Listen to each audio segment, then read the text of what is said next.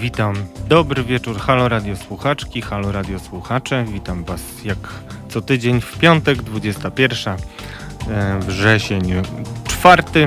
Będziemy dzisiaj rozmawiać o dziennikarstwie śledczym i to pod takim kątem, pod którym jeszcze o nim pewnie nie słyszeliście, a już na pewno nie z pierwszej ręki. Na początek opowiem o 28. rocznicy śmierci mm, jedynego polskiego dziennikarza zabitego na zlecenie za to, co próbował ustalić, Jarosław Ziętara, który został zamordowany w 1992 roku. Będziemy rozmawiali z Krzysztofem Kaźmierczakiem, jego kolegą, dzięki któremu ta historia zapewne nigdy nie umrze i zostanie wyjaśniona, a w drugiej części liczę bardzo na Was, ponieważ po pierwsze, opowiem Wam, jak to się stało, że opinia publiczna w ogóle dowiedziała się o aferze na Podkarpaciu związanej z nagrywaniem polityków w agencjach towarzyskich w celu szantażu. Opowiem Wam z pierwszej ręki. Bądźmy razem.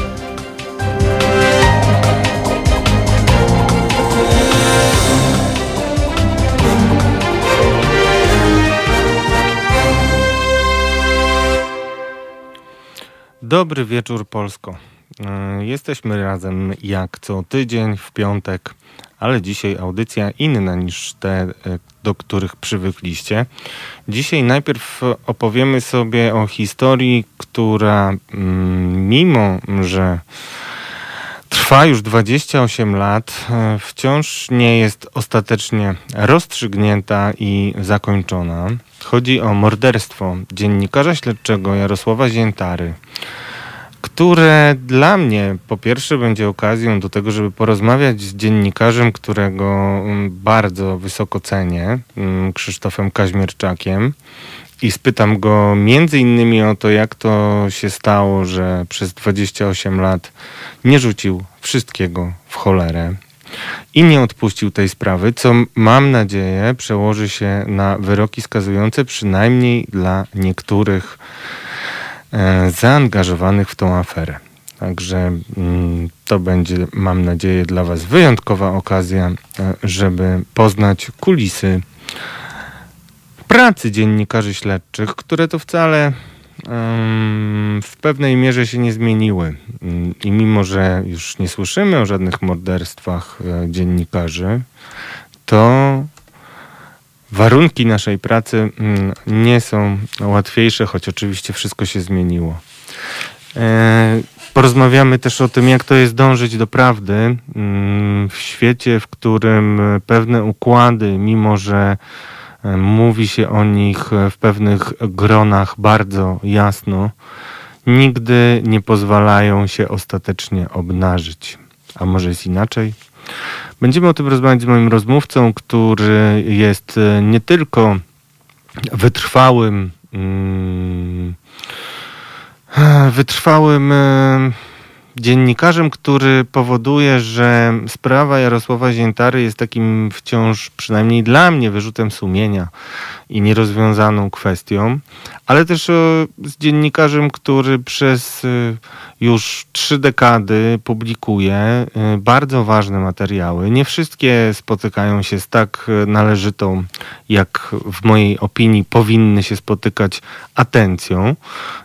I dlatego, że Krzysztofowi Kaźmierczakowi chce się jeszcze pracować, spytam go o receptę na to, czym jest w ogóle dziennikarstwo, po co jest i skąd brać na to siłę. Bo jak wiecie, są takie chwile, kiedy mi tej siły brak.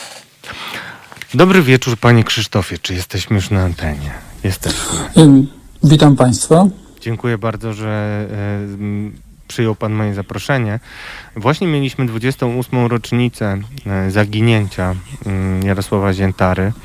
E, pan jest w mojej opinii, oczywiście może się Pan podzielić tą zasługą, ale Pan jest w mojej opinii tą osobą, dzięki której co roku we wrześniu ja przypominam sobie tą historię i wielu ludzi przypomina sobie tą historię i wraca do sprawy, która Pana kolegę kosztowała kosztowała życie.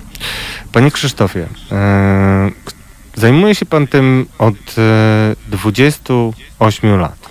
E, Czy może pan nam najpierw powiedzieć o tym, jakim człowiekiem i jakim dziennikarzem był Jarosław Ziętara, jak się poznaliście i co było w nim takiego, poza jego bardzo smutnym losem, że pan od 28 lat wytrwale niczym syzyf stara się utorować gdzieś w tym gąszczu różnych e, faktów jakąś drogę do prawdy i drogę do sprawiedliwości, bo do dzisiaj jeszcze winni jego śmierci nie zostali osądzeni i skazani. E, no, zacznę może, bo zagadnień jest bardzo wiele. Można by mówić bardzo, bardzo długo. Zacznę może od sprawy Jarosława Ziętary. Y, poznałem go zaledwie 8 miesięcy przed tym, zanim został porwany. Y, w 1992 roku trafił on do Gazety Poznańskiej, w której ja pracowałem. To była jego kolejna, kolejna już gazeta. Wcześniej pracował w tygodniku Wprost, był tam etatowym dziennikarzem. Pracował, współpracował z różnymi lokalnymi gazetami w Poznaniu, także z lokalnym wydaniem Gazety Wyborczej. W Gazecie Poznańskiej e, właściwie był on w takiej fazie e, bardzo intensywnej pracy związanej ze studiami, ponieważ on cały czas pracował. On kończył pisać pracę e, magisterską, przygotowywał się do obrony i, i tak, że tak powiem, pracował troszeczkę na pół gwizdka. E, natomiast ta praca na pół gwizdka, no to, to taka była pozorna, ale o czym dowiedziałem się znacznie później i o czym jeszcze może powiem.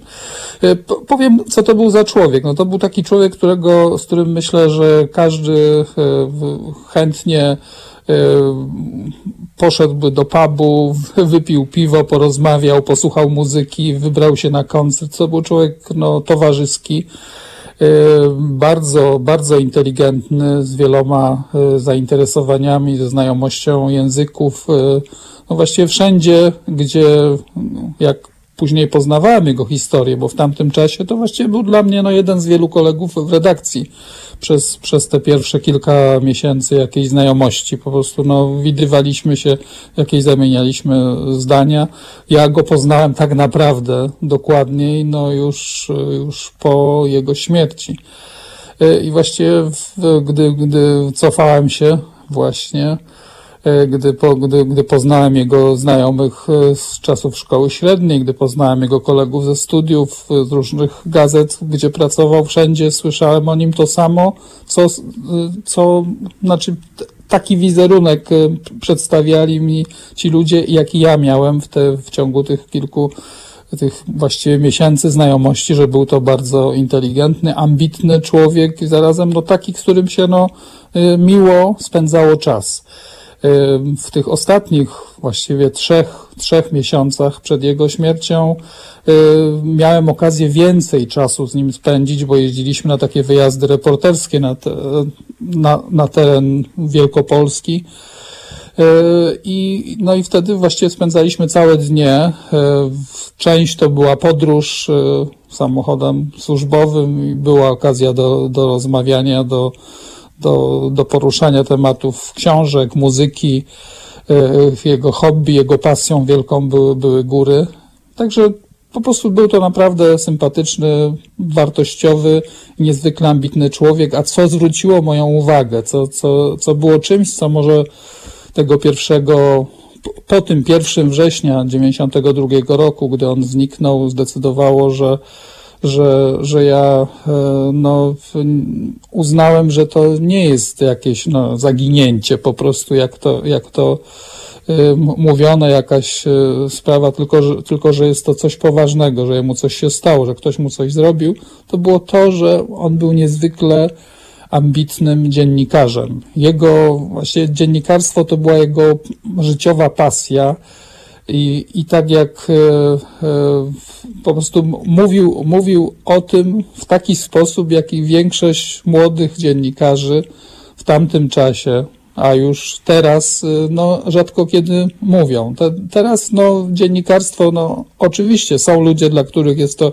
jakaś wielka pasja, wyzwanie, natomiast dla wielu ludzi jest to jakaś, jakiś sposób na życie, jakiś sposób na realizację, się, realizację zawodową, prawda, na jakieś no, znalezienie źródła zarobkowania, czy coś takiego, a dla niego to było coś, no, on powiedział, no, co nie, niektórzy śmiali się z tego, gdy ja to przytaczałem, ale powiedział, że on chciałby zdobyć Pulitzera. No wiadomo, jest to nagroda y, nieprzyznawana w Polsce, chociaż akurat wtedy, w tym 1992 roku, zaczęto przyznawać nagrody Stowarzyszenia Dziennikarzy Polskich, które były nazywane polskimi Pulitzerami, także myślę, że on miał, że on myślał o tym i tak naprawdę myślę, że był bardzo blisko tego. Gdyby nie został zabity, gdyby opublikował efekty e, swojego trwającego prawie rok prowadzonego w, w ukryciu, w tajemnicy przed swoimi kolegami redakcyjnymi, przed, przed nawet swoją dziewczyną, przed, przed wieloma osobami śledztwa dziennikarskiego, no to,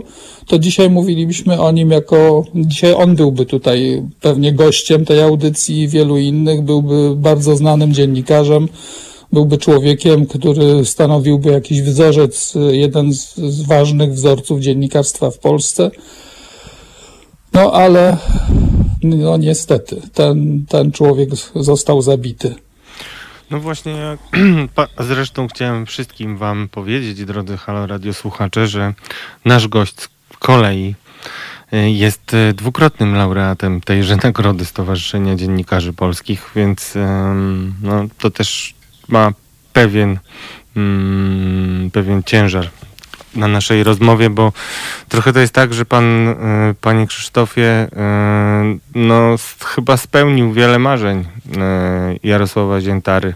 Ale mm, najpierw chciałbym, żeby pan mi powiedział, zajmujemy się sprawą zniknięcia i zabójstwa, które miało miejsce 28 lat temu. To wielu z naszych słuchaczy, e, którzy będą słuchać naszych podcastów, czy którzy są nawet dzisiaj z nami, trudno, wielu z, nim, z nich trudno sobie w ogóle wyobrazić taki szmat czasu.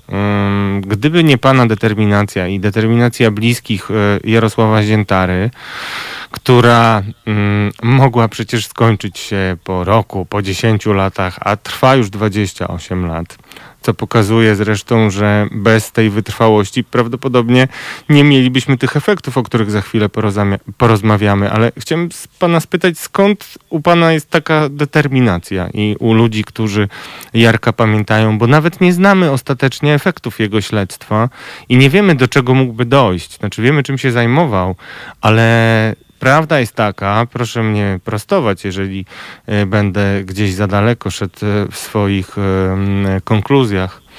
Prawda jest taka, że my nie wiemy o tym, nie, nie, znamy tej prawdy, do której próbował dotrzeć Jarosław Ziętara. Nigdy nie, nie widzieliśmy tego całego obrazu, który starał się przedstawić opinii publicznej. Znaczy, dużo na ten temat wiadomo. E, może powiemy o tym troszeczkę później. Teraz odpowiem na to, na, na to pytanie, które już chyba dwukrotnie się pojawiło. Dlaczego, dlaczego nie wiem, tak, zająłem dlaczego, się tak. tym i, i, i, dlaczego się tym zajmuję. Mówię, ta, ta znajomość z Jarkiem wtedy, była, była dla mnie podstawą do tego, żeby nie uwierzyć w wersję, którą wtedy zaraz zaczęła lansować poznańska policja, że E, pewnie uciekł za granicę, potajemnie ukrywa się w górach. No po prostu to były absurdalne rzeczy. To był człowiek, który ja jeszcze nie wspomniałem, on był bardzo uporządkowany. On swoje materiały miał posortowane. Generalnie praca dziennikarska to jest bardzo często taki chaos, żywioł, prawda? Natomiast on miał teczki, prawda, miał notesy, miał, miał, miał wszystko poukładane, miał e, kasety z nagraniami, bo on w ogóle Tutaj nie wspomniałem o tym, on był radiowcem. On, on właściwie pierwszą, pierwszą swoją pracę dziennikarską to wykonywał na rzecz radia studenckiego. To było radio internetu, wtedy, nie było jeszcze, to było radio, które funkcjonowało w akademikach y, poznańskich uczelni wyższych i on był, on był radiowcem, na, nagrywał, miał, miał kasety z tymi nagraniami. On był po prostu bardzo uporządkowany i był człowiekiem słownym.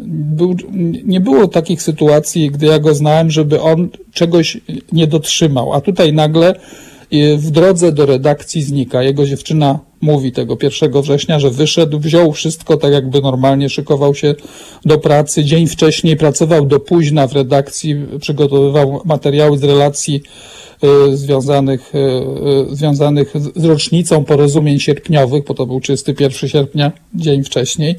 I tutaj po prostu ten człowiek, on by czegoś takiego nie zrobił, że nagle bierze sobie, nie wiem, znika y, potajemnie przed, przed osobą, z którą wiązał swoje życie, prawda, potajemnie przed, przed rodziną, przed wieloma przyjaciółmi y, coś takiego by zrobił. On, on, by tego nie zrobił. To był człowiek, który miał za, za, dwa tygodnie odebrać, odebrać swój paszport bo złożył wniosek o nowy paszport, y, który nie odebrał wypłaty pensji swojej. Po prostu było wiele różnych takich czynników, które mi i, i nie tylko mi, bo, bo, bo takie grono było większe. Ja, ja, ja tutaj jestem wspominany i bardzo często no myślę, że no w jakiś sposób też nienależyty, ponieważ w tych pierwszych tygodniach, miesiącach Y, przez, nie wiem, pół roku. My tutaj w gronie dosyć szerokim, początkowo, potem węższym, bo, bo, bo, bo część ludzi się zniechęcała.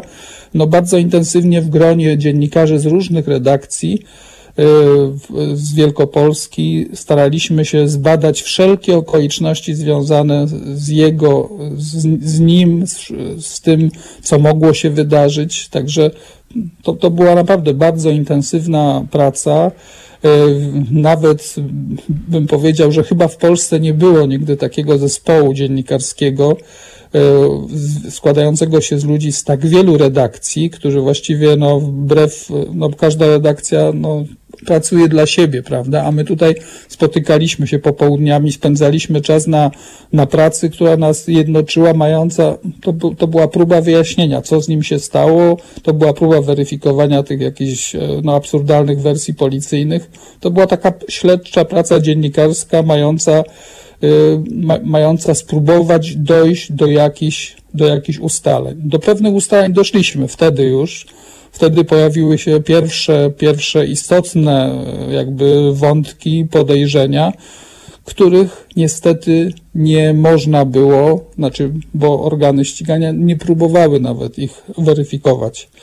Y, jeden z ludzi, którzy teraz obecnie odpowiada na ławie oskarżonych, no, jednej, jednej z pierwszych publikacji na, na temat y, sprawy Ziętary, takich Akurat ukazała się, ukazała się ona wtedy na łamach Gazety Wyborczej. Jego nazwisko się tam pojawiło. Pojawia się tam nazwisko, pojawia się tam holding Elektromis, y, który odegrał y, no, niebagatelną rolę w tej, w tej, który wiąże się z tą zbrodnią niewątpliwie.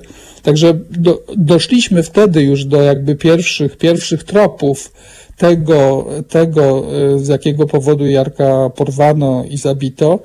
E, ale atmosfera, sytuacja, jaka wtedy była, do tego, temu nie sprzyjała. Poza tym, no, część naszego grona e, no, troszeczkę ugięła się przed, przed, przed tymi tematami, ponieważ e, tamte czasy, to, to, to ciężko sobie wyobrazić. Teraz żyjemy w kraju no, w zupełnie innych warunkach. A ten początek, ten początek nowej Polski, prawda, te, te czasy transformacji ustrojowej, to był naprawdę czas, gdy, gdy no, nie, no niebezpieczny. E, właściwie, no nie wiem, na porządku dziennym były wybuchy bomb, e, porachunki, gangi rosły w siłę, prawda, zorganizowana przestępczość się, że tak powiem, na, na, nabierała mocy w Polsce, powstawały ogromne fortuny. Y, no tutaj to co, to, co się stało, to zniknięcie Jarka, które dla nas było jednoznaczne z tym, że go, że go porwano i że go zabito, no dało też, y, no, no, dało podstawy też do tego, że zaczęliśmy myśleć o swojej pracy dziennikarskiej, która wcześniej wydawała się, no dziennikarz może wszystko, nic tutaj nam nie grozi, no naprawdę, no.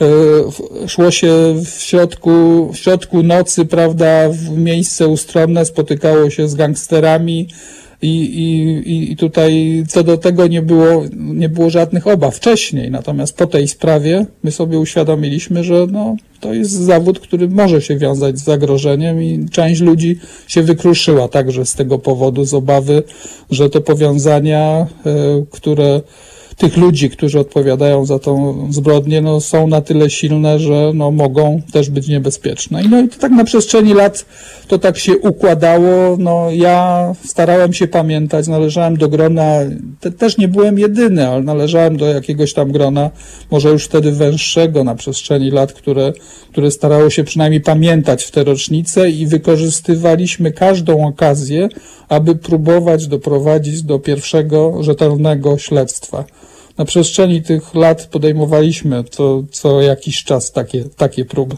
Y, panie Krzysztofie, chciałem pana spytać, mm, też tutaj chciałem zacytować, bo mamy wielu e, użytkowników na czacie, którzy komentują naszą rozmowę i tutaj Marek Kaciński właśnie przypomina te kuriozalne mm, to mało powiedziane, e, pisze e, no, teorie, które lansowała w pewien sposób policja. Zresztą to trochę mi się kojarzy z inną taką tajemniczą sprawą porwania Krzysztofa Olewnika, który też w pewnym momencie był posądzany o to, że sam się porwał, ale to taka dygresja.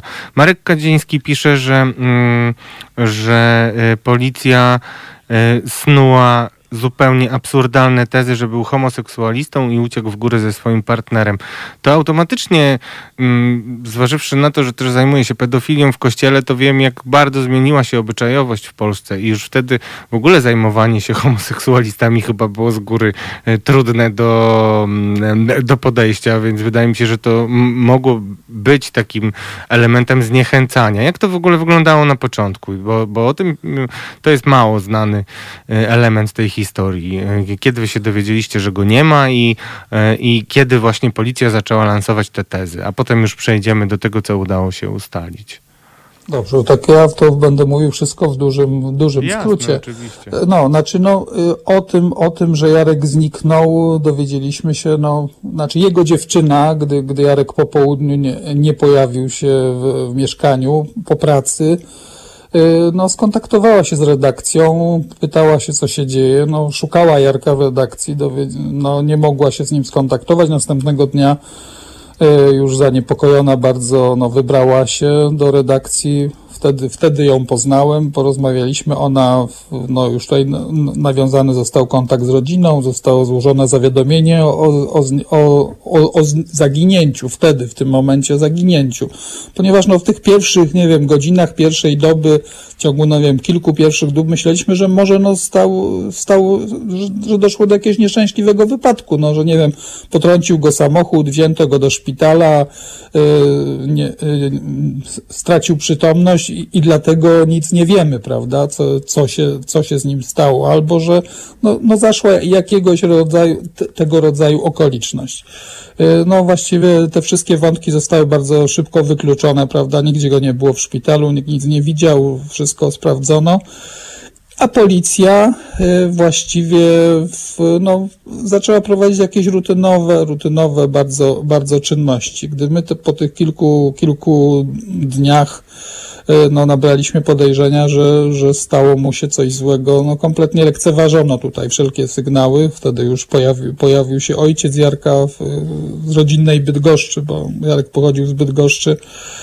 I, I właśnie próbował wskazywać na różne okoliczności wątpliwe, e, że policja, no, no żeby policja nie podchodziła do tego w taki lekki sposób. No i po jakichś no, wielu różnych staraniach środowiska dziennikarskiego i tak dalej, policja zaczęła Y, twierdzić, że oni tutaj bardzo wnikliwie sprawdzają, no i zaczęli właśnie przedstawiać, że na przykład właśnie nie mając paszportu, a w, a w tamtych czasach granice no, nie były takie otwarte jak, jak obecnie, tylko, tylko no, obowiązywały odprawy na granicach i tak dalej, więc nie mając paszportu twierdzono, że pewnie wyjechał sobie potajemnie To była, to była jedna, jedna z, z takich wersji.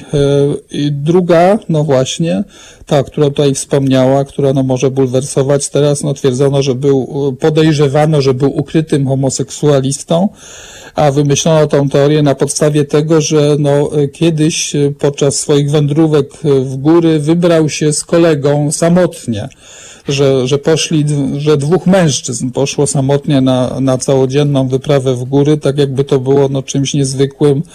No wiadomo, że no, wędrówka górska, no to no, często, często się to tego odbywa i no, wyciąganie wniosku na podstawie tego, że dwóch mężczyzn, e, no, no to było kompletnie absurdalne. Tam nie było żadnych podstaw w ogóle, że tamten człowiek, ten, ten jego kolega e, był homoseksualistą, nie było żadnych podstaw, że Jarek no, ale bardzo z dużą lubością w ogóle badano sprawy życia intymnego Jarka właśnie już wcześniej, jak się potem okazało, gdy ja dotarłem po wielu, wielu, wielu latach, naprawdę po wielu latach do akt tej sprawy, to się okazało, że no bardzo wiele uwagi poświęcano no po prostu bzdurą, no absurdalnym, nie mającym żadnego znaczenia rzeczą, I no mówię, ta wersja homoseksualna właśnie e, była jedną z lansowanych. No była też inna wersja, że, e, że Opus Dei, o tutaj mówimy o czymś, o czymś związanym z religią, że to Opus Dei być może jest, jest winne jego zniknięcia, prawda? Ponieważ Jarek między innymi spośród różnych tam swoich aktywności dziennikarskich, między innymi robił taki cykl przedstawiający różne wyznania niekatolickie w Polsce i różnego rodzaju jakieś tam no, takie, takie, takie spo, społeczności, no więc wymyślono zupełnie też no, Opus Dei nigdy się nie, nie zajmował akurat, ale wymyślono, że może Opus Dei tutaj odpowiada, odpowiada za jego zniknięcie. Także no mówię, to były po prostu stosy papierów, które policja produkowała, e, po to, żeby pokazywać, że no proszę, my coś robimy. No a, a, a tymczasem nie robiono. Tymczasem, jak się okazało po, po tych wielu latach, już tutaj tylko to, zanim oddam głos, e, wspomnę, się okazało, że policja dosyć szybko otrzymała informację o tym, że widziano, jak Jarosław Ziętara wsiadał do radiowozu.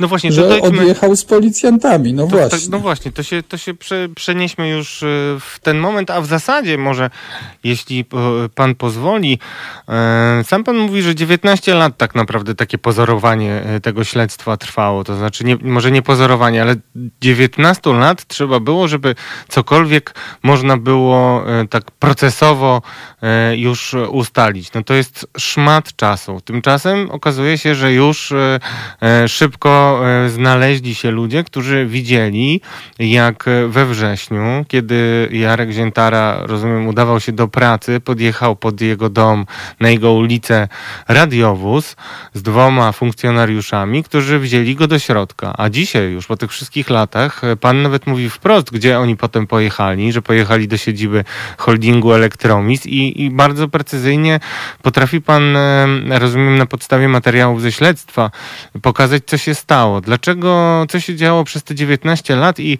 ja od razu gdzieś zasygnalizuję e, te pytania, które mm, pan wie, że chciałem o tym rozmawiać, ale też e, chyba e, naturalnie pojawiają się na naszym forum, bo nasi Halo Radio słuchacze przypominają różne sprawy, które nie zostały wyjaśnione. Zabójstwo Jaroszewiczów, zabójstwo Marka Papały i tak dalej, i tak dalej. Ale um, chciałbym, żebyśmy starali się gdzieś to z tyłu głowy i, i, i popatrzeć na to, dlaczego przez tych 19 lat udawało się w sprawie, no chyba należy powiedzieć, mataczyć.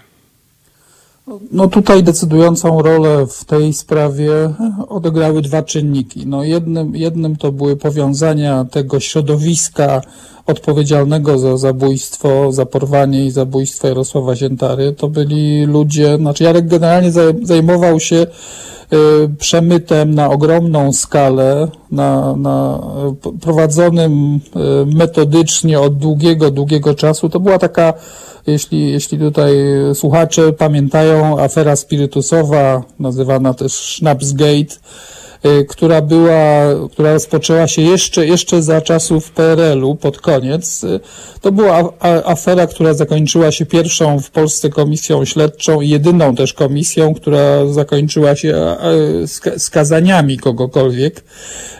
To była afera, która wiązała się no właśnie z, z wykorzystywaniem luk w przepisach i i różnych niedoskonałości tamtejszego systemu e, właśnie e, podczas transformacji i ta afera, znaczy ten sposób przemytu został ukrócony. To zostało, to był, to był wielki skandal, ta sprawa była naprawdę na, na ustach wszystkich w, tamtych, w tamtym czasie. Wielu, wielu ludzi w Polsce zrobiło fortuny. Część, część ludzi e, należących do dzisiaj, naj, najbogatszych, swoje pierwsze pieniądze, pierwszy milion e, zrobiła na tamtych przekrętach, na tamtej aferze. Jarek Ziętara wpadł na trop e, tego, że niektórzy ludzie znaleźli sposób na kontynuowanie tego, tylko w inny sposób. Odbywało się to, tak jak cała ta afera spirytusowa, odbywała się przez niemiecką granicę. Chodziło no głównie tutaj, no Niemcy blisko nas byli i, i po prostu to był alkohol niemiecki, stąd właśnie też ta nazwa nawet niemiecka, Schnapsgate.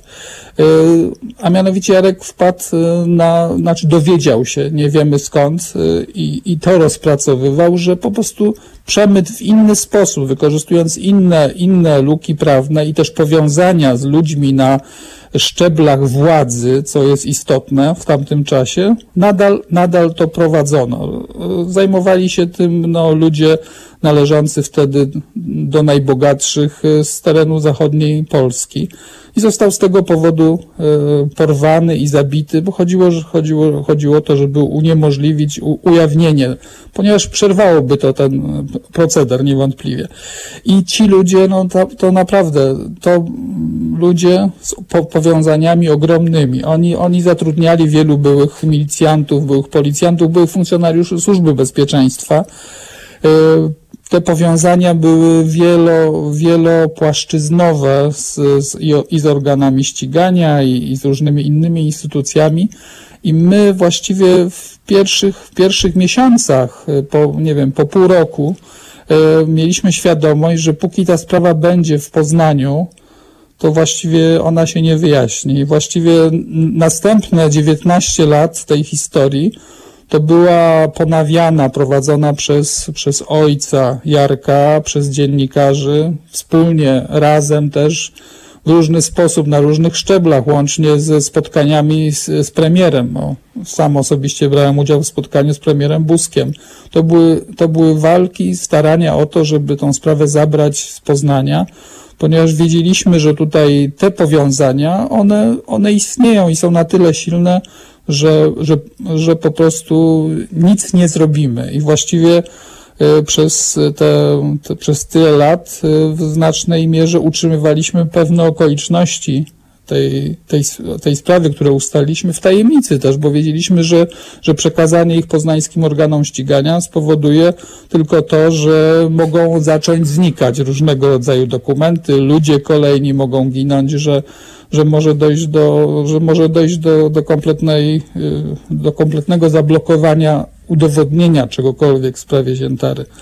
No właśnie, panie Krzysztofie, chciałem też spytać, e, bo mm, po 19 latach, rozumiem, sprawa ruszyła, kiedy została przeniesiona do Krakowa, ale w międzyczasie działo się też e, wiele dziwnych, niewyjaśnionych zdarzeń e, i śmierci nawet osób, które po pierwsze mogły być zaangażowane w porwanie, torturowanie i zabicie pana Ziętary, a po drugie mogli być, jak rozumiem, świadkami. Może nam pan powiedzieć coś więcej na ten temat? Y, tak, y, no, w ogóle pierwsze śledztwo w ogóle jakiekolwiek w Poznaniu oczywiście wszczęto dopiero po roku y, od zniknięcia Jarka Ziętary. I, i wkrótce po tym w 93 roku doszło do pierwszego, pierwszego, no ja nie mam wątpliwości, że było to zabójstwo, ale formalnie została sprawa zakończona jako, jako samobójstwo. Mianowicie e, jeden z ludzi, o których wiadomo dzisiaj z tego śledztwa prowadzonego w Krakowie, z, z procesu, z, no, z, z relacji wielu świadków, jeden z ludzi, który miał brać, brać udział w, por, w porwaniu, e, Jarka. Był jednym z tych, którzy byli w tym pojeździe udającym radiowóz, który był ubrany w mundur policyjny chociaż nie był wtedy funkcjonariuszem, to był były antyterrorysta, e, milicyjny, potem policyjny, a później e, e, jed- jeden z tak zwanych ochroniarzy w holdingu Elektromis, zresztą osobisty ochroniarz twórcy tego holdingu. E, Ten człowiek e, przeżył pewne, pewne załamanie, mianowicie on, on brał udział w tym, w tym porwaniu, e, na to wygląda, ale nie miał wtedy świadomości, że ta sprawa zakończy się zabójstwem.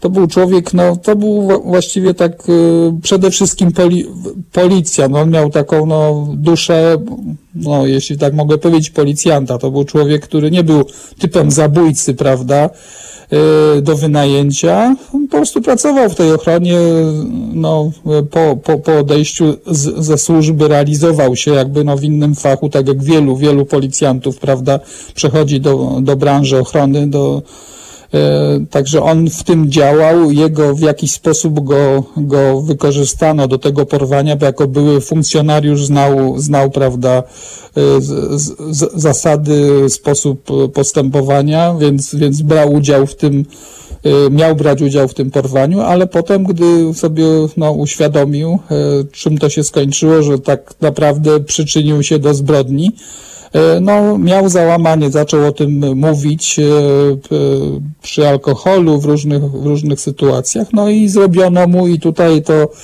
jak się mówi właśnie, zrobimy ci samobójstwo, no to, to, to tutaj to jest klasyczna sytuacja. Jego oszołomiono podczas imprezy u jednego z pracowników holdingu Elektromis, oszołomiono go środkami e, pewnymi, potem go przewieziono do mieszkania, e, tam, tam, tam e, e, zrobiono mu samobójstwo poprzez e, postrzelenie w głowę, no ale w szamotaninie, ponieważ no, to był człowiek bardzo silnej postury, e, te, te, te, ta dawka użyta, żeby go oszołomić, prawdopodobnie była za mała, doszło do jakiejś szamotaniny i, i, i tą broń mu przyłożono z drugiej strony. On był, on był praworęcznym, strzelono mu w głowę z lewej strony, prawda, co nie pasowało już do, do całej akcji. Wówczas no, nie będę w szczegółach opowiadał tej historii, ale, ale ona była, no, lekarze wszyscy, którzy, którzy, którzy go badali, wszystkie, wszystkie wyniki wskazywały na to, że no,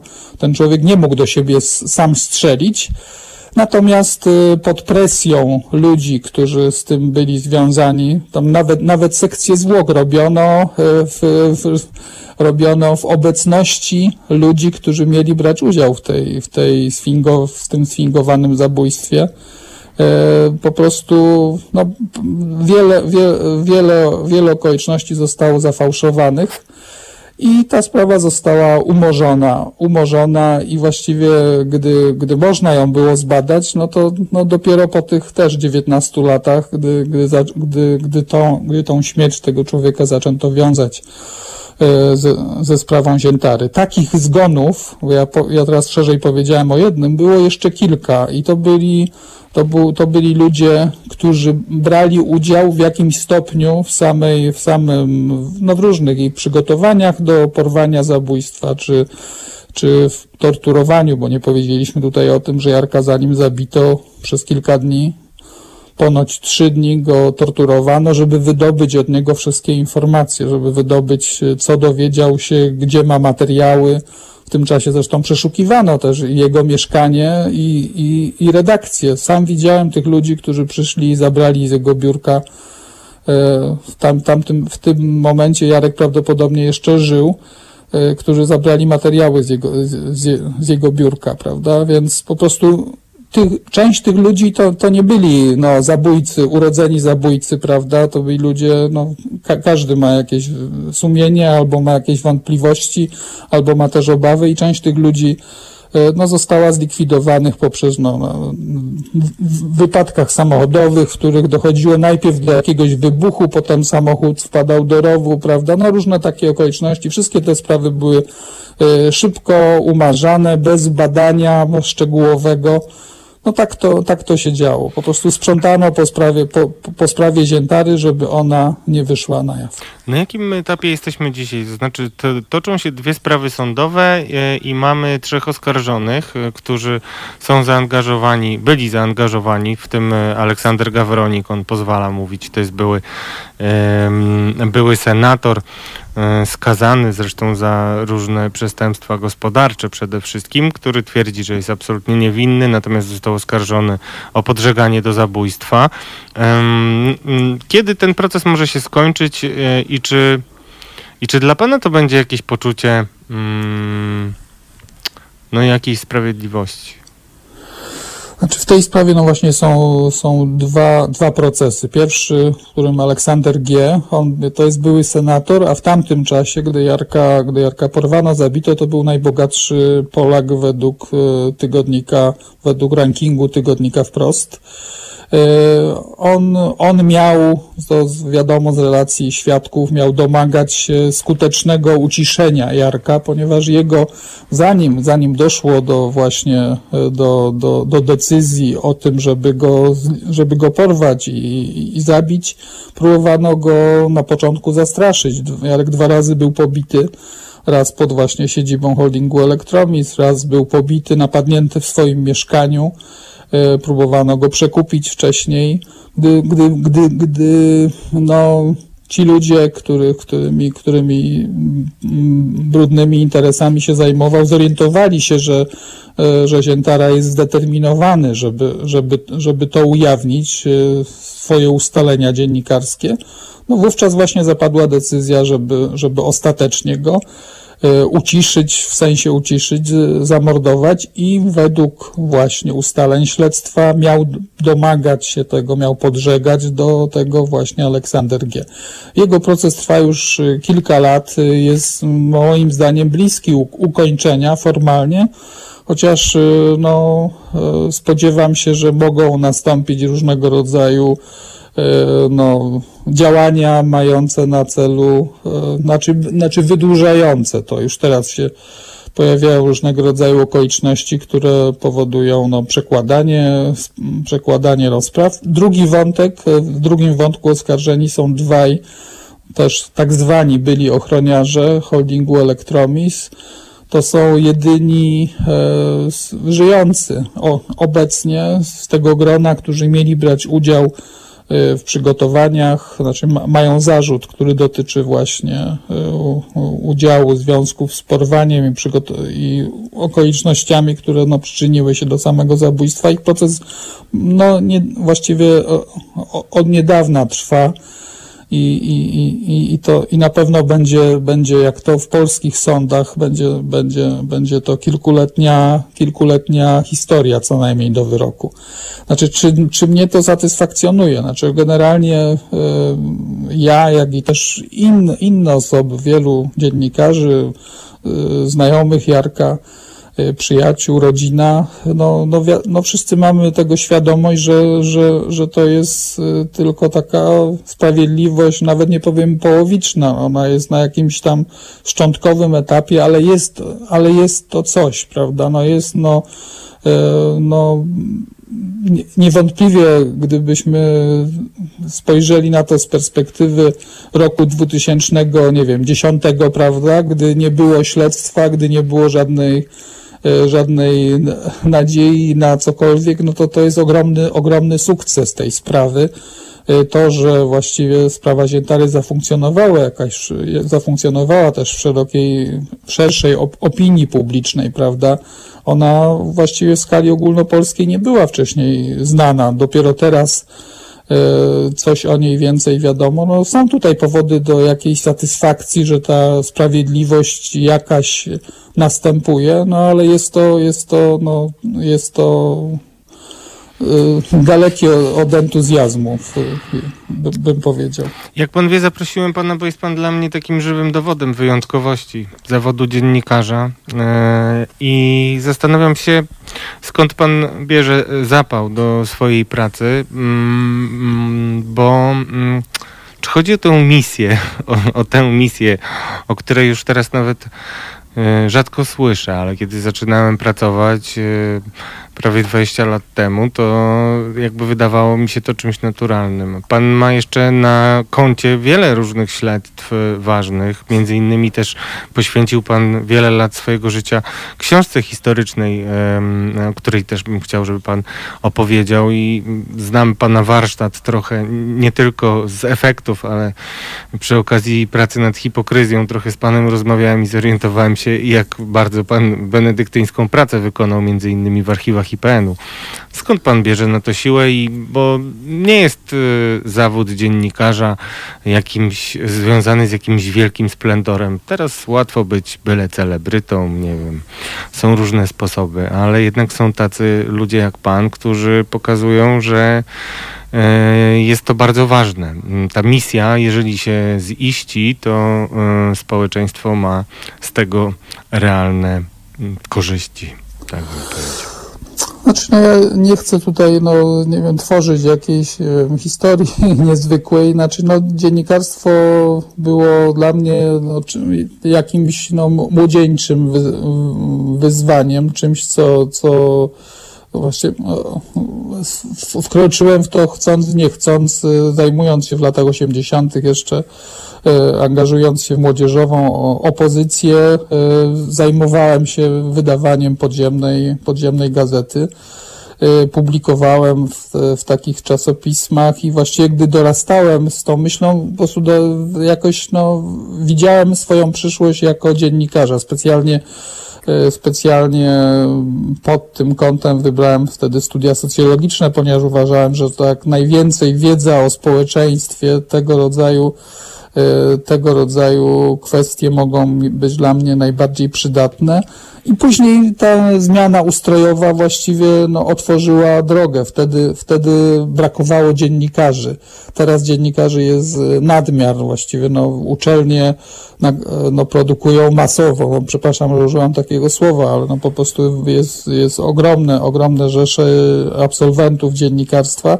W tamtym czasie, ten 89 rok, po, tych, po, po, po tym przełomie, e, dziennikarzy e, było wielu związanych z poprzednim ustrojem. Młodych dziennikarzy było niewielu. To była szansa dla takich ludzi jak właśnie no, Jarek Ziętara i wielu, wielu e, młodych wtedy startujących, którzy obecnie no, w dziennikarstwie też część z nich cały czas funkcjonuje. Dla mnie to było no, wyzwanie. Dla mnie dziennikarstwo to jest, no, przynosi satysfakcję, gdy uda się coś osiągnąć w sensie, w sensie zarówno ujawnienia jakichś okoliczności, które no, wiążą się z złamaniem prawa, czy, czy, czy naruszaniem praw ludzi, czy też y, praw y, związanych z funkcjonowaniem y, społeczeństwa, państwa jak i też no, przede wszystkim, gdy uda się coś y, y, spowodować, coś, nie wiem, naprawić jakąś szkodę, prawda, y, nie wiem, skorygować, no, ciemną plamę jakąś, że tak powiem, zlikwidować jakąś, no bo tutaj znacznej w części, no, pasjonuje mnie, pasjonują mnie śledztwa historyczne właśnie, no można powiedzieć, że sprawa Ziętary to jest sprawa historyczna już, nie? Bo jeśli patrzymy z perspektywy 28 lat, no to przecież no, w tym czasie urodziło się i doszło do, do dojrzałości całe pokolenie ludzi, prawda? Więc, więc no, dziennikarstwo no, do, do tego momentu no, satysfakcjonuje mnie wtedy, gdy, gdy udaje się coś osiągnąć, gdy udaje się, no nie wiem, chociaż w jakimś małym stopniu ten świat troszeczkę poprawić, czy gdy udaje się e, komuś e, pomóc. I no, właśnie, no tak to widzę, tak panie, to widzę. To właśnie panie Krzysztofie, to już na koniec um, chciałem cię, pana zapytać, um, niedawno zmarł inny z bohaterów pana tekstów, a w zasadzie antybohaterów. Rok temu ze zdumieniem, znaczy teraz prawie dwa lata temu, ze zdumieniem odkryłem, że już wiele lat wcześniej ujawnił pan, że biskup Stefanek, wywodzący się tam z zakonu Chrystusowców, później będący jeszcze biskupem pomocniczym w Szczecinie i, i ostatecznie biskupem w miał kontakty ze służbą bezpieczeństwa.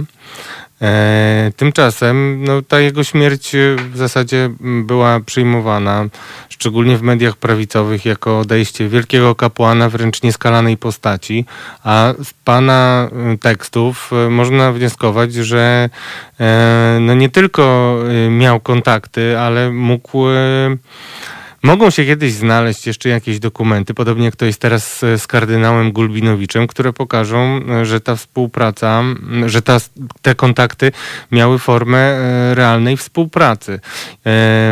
I teraz zastanawiam się, jak się pan czuje z takimi sytuacjami. Ja nie ukrywam, że jestem bardzo krytyczny w stosunku do biskupa Stefanka, bo opisywałem historię Andrzeja Dymera ze Szczecina, księdza, który był w pewien sposób chroniony przez e, tego biskupa. Mm, no i czy pan nie ma poczucia mm, no jakiejś porażki tak naprawdę, bo ani nie przyniosło to panu szczególnej sławy, nie, nie wybrzmiała należycie ta informacja, nikt nie poszedł za tym. Biskup, e, który skompromitował się e, w rozmowie z panem i prosiłbym, żeby pan jeszcze o tym powiedział przynajmniej parę zdań, e, no zarzucił panu, że, że, że pan kłamie, były tylko jakieś odczyty różnych listów z Ambon, procesu żadnego nie było, no ale odszedł w glorii i chwale. Gdy mówiłem o śledztwach e, historycznych, no to jednym, jedną, jedną z części tych właśnie, tych, tych śledztw, no są te dotyczące najnowszej historii Polski, które gdzieś e, no, po części wiążą się z lustracją, która no, w Polsce nie nastąpiła i skutki no, e, widzimy do dzisiaj. Między innymi zajmowałem się sprawami e, dotyczącymi niektórych duchownych, a tutaj, e, że tak powiem, nie, nie, nie polowałem na biskupa Stefanka, e, ale trafiłem na historię, niezwykłą historię i taką, która mnie bardzo, bardzo poruszyła jako człowieka i która no, też zaowocowała jednym z takich e, no, moich śledztw. Mianowicie trafiłem na historię złamania powołania młodego właśnie człowieka pochodzącego z Krakowa, e, człowieka, który wstąpił do zakonu Chrystusowców, był w nowicjacie, E, i był to akurat e, początek karnawału Solidarności. To były lata 8, to był 80, 80 rok i ten człowiek, e, no, stwierdzono, że no, przywiózł z domu, z Krakowa ulotki jakieś, to były chyba ulotki Konfederacji niepodległej Polski i, i, i przeprowadzono śledztwo. Ustalono, że to, że to on i wówczas no, ku mojemu zdumieniu naprawdę to rzadko i to drugiej takiej historii nie znalazłem i nie, nie wiem, żeby ktoś natrafił na taką w, w aktach y, po, po służbie bezpieczeństwa.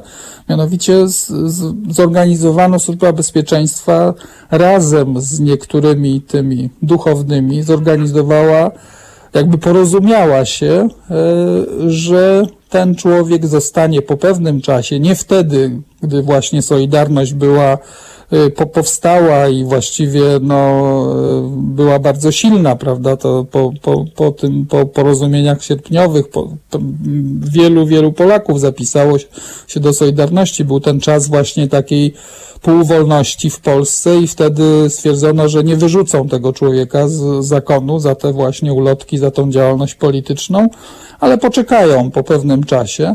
I tak też zrobiono. Są dokumenty, które wskazują na to, że różni, różni duchowni brali w tym udział, w tym porozumieniu ze Służbą Bezpieczeństwa i tego człowieka wyrzucono później, twierdząc, że on nie ma powołania, że się nie nadaje. A to był tylko pretekst, generalnie motywacja była, była polityczna. Jednym z tych ludzi, którzy wiele na to wskazywało, no, mm, wiedział przynajmniej o tym i to akceptował, był późniejszy, późniejszy biskup. Zainteresowałem się różnymi duchownymi, którzy, którzy właśnie w tej sprawie brali udział.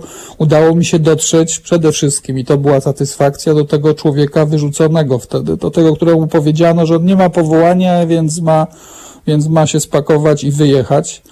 Znalazłem tego człowieka po wielu latach i on ode mnie dowiedział się dopiero, jakie były prawdziwe okoliczności. On przez całe lata żył myśląc, że no on sobie coś wymyślił, że chciałby być właśnie księdzem, prawda, że chciał, że, że i, i że to był jak, jakieś, że on się mylił, prawda. Się okazało, no, że, że była to zorganizowana akcja. I no, w ten sposób, idąc tropem, starając się wyjaśnić, zrozumieć motywację tych ludzi, no bo to się stało rękoma duchownych z tego zgromadzenia Chrystusowców, no dotarłem między innymi do biskupa Stefanka i po drodze różnych okoliczności, które no, wskazywały na to, że no, miał on intensywny, on mi się przyznał osobiście no właśnie, do jak kontaktów. wygląda ta rozmowa, bo to jest bardzo ważne, to, bo ja No, rozmawiałem no. z panem o tym jeszcze, kiedy pan, y, kiedy biskup Stefanek żył. Teraz No, już nie żyje, no. ale to pamiętam, że to zrobiło na mnie duże wrażenie. Odwiedziłem go w jego, no, za, zaprosił mnie, no, e, zaprosił mnie do, do swojej siedziby. E, rozmawialiśmy i, i rozmawialiśmy o tamtych czasach. Okazało się, że bardzo dobrze pamięta. Zidentyfikował funkcjonariusza, który tą operację nad, nadzorował, znaczy zidentyfikował, stwierdził, że go tak, że go kojarzy prawda, wskazał też innego, innego funkcjonariusza i, i powiedział mi potem otwartym tekstem, że tak, on się, on, on rozmawiał z funkcjonariuszami, y, że mu nawet tam udziela, udzielali pomocy podczas stanu wodzie- wojennego, no, wskazał na różne okoliczności, które, no, dowodziły, że, no, miał kontakty, które, no, które, które, które no, ciężko, ciężko to zaakceptować. Znaczy, no myślę, że nie można tego no, zaakceptować, ponieważ no, w tamtym czasie przecież wielu duchownych, wielu Polaków, też wielu duchownych było, było, było ofiarami prześladowań, prawda? E, A on, e, no, wynikało z tego, że no, był, był w całkiem dobrych, dobrych relacjach. No. A czy, ja dobrze, znaczy- czy ja dobrze pamiętam, że on powiedział coś takiego, że on nomina, o nominacji biskupiej dowiedział się od, od e, SB? Tak, tak, tak. No to było, to było też no, no bardzo zaskakujące. No to wskazywało na stopień no, jakiejś zażyłości tych kontaktów, ponieważ no, to, to jest bez, bez jakichś no, bliższych relacji. Ja tutaj nie mówię o, o, o, o tajnej współpracy, tylko mówię no, raczej o jakichś no, jawnych y, relacjach, jeśli on y, w, w, ten, w ten sposób, jeśli, jeśli mówił mi, że chyba że na jego uroczystości e, o, otrzymania święceń, prawda, był ten funkcjonariusz, jeśli okazało się, że znał jakieś nazwisko operacyjne jednego z funkcjonariuszy, wysokich funkcjonariuszy SB. No, nie chcę, nie chcę tego komentować, e, ale no nie była to jedna osoba, no nie był, znaczy ja na, na, e, ja zajmując się tego rodzaju tematyką, no spotykałem się no niejednokrotnie z takimi, z takimi e, trudnymi, z takimi sytuacjami, w których no ciężko było, znaczy ciężko, nie można było, nie, no, no nie można było zaakceptować postępowania takich ludzi, a teraz wracając do tego pytania, co, co ja czułem i, i co, no większość tych ludzi niestety, poczynając od nawet, y, poczynając od jakichś funkcjonariuszy SB, którzy brali udział w zbrodniach, y, do jakichś ludzi, którzy, nie wiem, pomagali na różnych etapach, y, takich, którzy korzystali też z jakichś możliwości. No pra- praktycznie w Polsce większość tych ludzi no, nie poniosła żadnej, żadnej odpowiedzialności i, i właściwie no, tylko jakieś, nie wiem, ujawnienie, po- podanie, y, wy, wyciągnięcie okoliczności sprzed lat, no to jest, to jest jedyną dolegliwością to i właściwie no, jedyną też sprawiedliwością dziejową, która może, która może spotkać. I, i, i myślę, że no, no to widzimy no, na przestrzeni lat epizodycznie, co rusz jakieś historie e, często ponure no, wychodzą na jaw i myślę, że będą, będą one, że, że, że poznamy ich niestety bardzo wiele. Też jestem o tym przekonany i też nie ukrywam, że nawet historia kardynała Gul- Gulbinowicza pokazuje, że jest jeszcze pewnie wiele rzeczy do odkrycia. Bardzo dziękuję w takim razie, panie redaktorze. Życzę dużo zdrowia, wytrwałości, pasji. Dziękuję e, bardzo. No i, i sukcesów, a przede wszystkim życzę końca tej, końca tej historii. E, No i nie wiem, czego panu życzyć tak naprawdę. Czego, czego ja, taki no, młody adept, już nie młody, ale adept przy panu i przy pana doświadczeniu dziennikarstwa może życzyć takiemu, no trochę mistrzowi, bym powiedział. Oj, myślę, że tutaj, że tutaj nie ma co używać wielkich słów. Ja życzę, chciałbym, żeby no, blog, stronę, którą prowadzę, poświęconą Jarkowi, Kronika Nieosądzonej Zbrodni, żeby ona zmieniła nazwę, albo po prostu, żeby ta nazwa no, przestała funkcjonować, żeby to była zbrodnia osądzona, chociaż w, jakim, w jakimś stopniu to jest, to jest jakiś cel, który myślę, że, że no, przyświeca i to, czy ja będę, czy nie będę, to, to mam nadzieję, że ten cel zostanie osiągnięty. Bardzo, bardzo dziękuję w takim razie panie redaktorze i wszystkiego dobrego życzę. Na- Naszym gościem był Krzysztof Kaźmierczak. Dziękuję bardzo. Dobrej nocy tymczasem. A teraz e, posłuchajmy e, sobie piosenki m, i za chwilę wrócimy do, e, do drugiego tematu, który wam zapowiadałem, a teraz Stop Me Mark Ronson. Słuchajcie powtórki programu. Halo Radio. Gadamy i trochę gramy.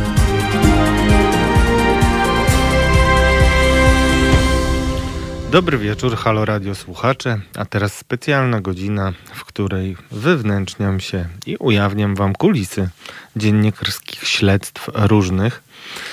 E, Czasem robię sobie takie mm, osobiste wstawki, bo wydaje mi się, że kto jak kto, ale ja mogę wam parę historii opowiedzieć. W związku z tym dzisiaj zajmiemy się historią, w której maczałem swoje palce dość mocno, mianowicie historią burdeli na Podkarpaciu, tak zwanych agencji towarzyskich, gdzie podobno nagrywano wielu różnych prominentnych polityków, e, urzędników, a być może nawet ważnych dostojników kościelnych.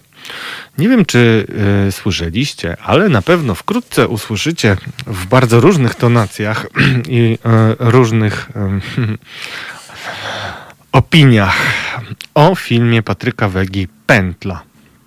E, Film Patryka Wegi, który jest teraz bardzo mocno reklamowany, jest oparty na takim mm, dużym zamieszaniu, które wybuchło po tym, jak e, znaleziono zabitego, przepraszam, zmarłego boksera Kosteckiego w więzieniu, który miał się powiesić. Było wokół tego wiele bardzo różnych e, wątpliwości i dopiero wtedy tak naprawdę tak zwane mainstreamowe media zainteresowały się sprawą, o której ja razem z Mariuszem Gierszewskim, e, dziennikarzem wówczas Radia Z, pisaliśmy wiele miesięcy wcześniej. I teraz opowiem Wam, jak do tego doszło, żebyśmy mogli sobie uporządkować fakty, ale także przypomnę Wam, że po pierwsze, czekam na Wasze telefony i to z wielką ciekawością pod numerem 22 39 059 22 i bardzo chcę, żebyście zabrali głos e, w kwestii, o której teraz będziemy rozmawiać. E, mm, A po drugie, no chciałem, żebyśmy się wspólnie zastanowili nad tym, co jest grane. Bo mamy film, który był zapowiadany jako film oparty na faktach. Po tym, jak e, Patryk Wega stwierdził, że dotarł właśnie do tych tajemniczych, a zdaniem niektórych nigdy nie istniejących nagrań, kompromitujących niektóre osoby i służących oczywiście do szantażu.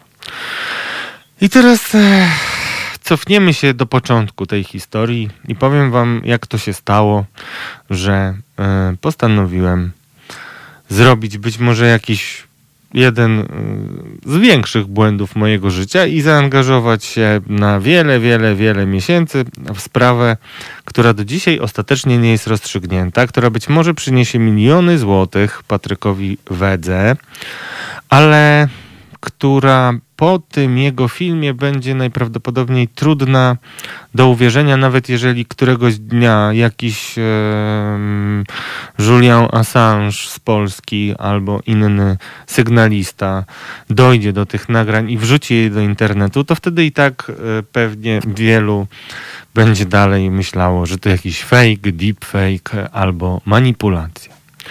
I teraz e, na sekundę mm, popatrzmy, jakie filmy robi Patryk Wega. Nie wiem, czy wiecie, ale ja zawsze miałem marzenie, żeby być dziennikarzem, który będzie pisał o kinie, najlepiej reżyserem, więc trochę e, inaczej patrzę na filmy niż tacy, powiedzmy, mm, normalni konsumenci sztuki filmowej.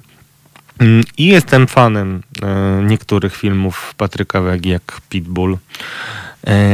Jestem też fanem służb specjalnych, mm, ale oceniam te filmy jako wpływające na opinię publiczną bardzo źle. I teraz dlaczego? Kiedy mm, na pewno pamiętacie, był taki duży rwetes i oczekiwanie wokół, e, wokół filmu Polityka, gdzie Patryk Wega w swoim takim szelmowskim stylu zapowiadał, że to będzie wstrząs dla ludzi, że on pokaże kulisy i tak dalej i potem e, tak naprawdę stał się pośmiewiskiem, aczkolwiek swoje zarobił na tym. No to mm, no cóż, trudno było odsunąć od siebie wrażenie, że e, jego kolejny film, właśnie po służbach specjalnych, posłużył rozładowaniu pewnego napięcia. To znaczy, widzimy coś, co może jakoś tam jest oparte na prawdzie, ale generalnie jest tak przerysowane, e, tak nierealne, tak wulgarne często, że trudno sobie wyobrazić to e, w realnym świecie. I takim wątkiem oczywiście był Aha, ja nie obejrzałem w końcu polityki całej. Znaczy parę razy mi się nad ranem jakimś, nie wiem, na jakimś kacu oglądałem ten film, ale nie udało mi się dojść do sedna. Natomiast y, y, można było szybko zorientować się, z czym mamy do czynienia i między innymi ja oraz mój kolega redakcyjny z Halo Radia, mm, Tomasz Piątek, mówiliśmy bardzo twardo, że źle się dzieje, że niektórzy mogą myśleć, że Patryk Wega mm, ujawnia oto to, o czym się plotkowało, czyli takie e, jakieś niestosowne relacje Antoniego Macierewicza z jego młodymi podwładnymi. No i to jest y, pierwsza rzecz, którą chcę, y, żebyście przemyśleli, albowiem podobnie mamy dzisiaj z filmem Pętla. Y, film Pętla ma opowiadać historię prawdziwego policjanta i ten policjant rzeczywiście jest prawdziwy, to jest Daniel Eś.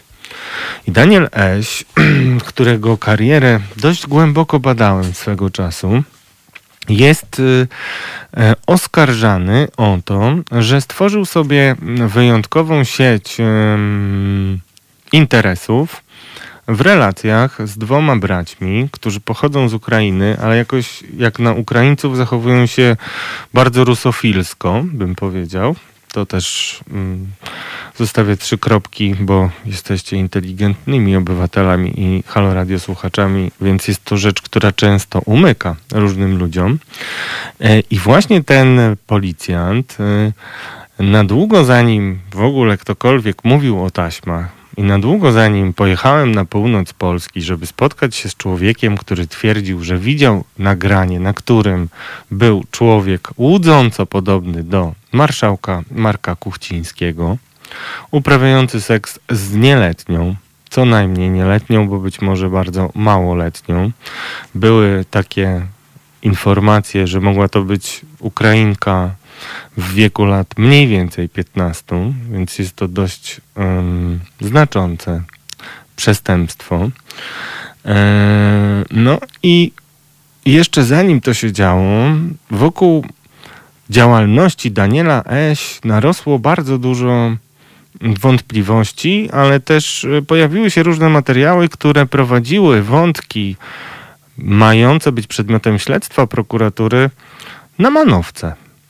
Mianowicie no Daniel Eś został e, zatrzymany już e, za PiSu. Był wtedy naczelnikiem w CBSP i co ważniejsze dla tej sprawy, był też e, oficerem mi mówili nawet, że był oficerem łącznikowym. To wszystko jest objęte tajemnicą, ale generalnie taki oficer łącznikowy to jest policjant, który może się dość swobodnie poruszać między Polską a Ukrainą w celu pozyskiwania różnych informacji operacyjnych. Więc była to wyjątkowa postać. Wyjątkowa. E, badała tą sprawę redakcja superwizjera, ale badała tą sprawę pod kątem wojny gangów um, sutenerów. I był taki materiał dość długi, um, który pokazywał właśnie, że tutaj mogła być rola policji w ukrywaniu, znaczy w ochranianiu niektórych e, stręczycieli, no to tak trzeba, ja przynajmniej tak to czuję.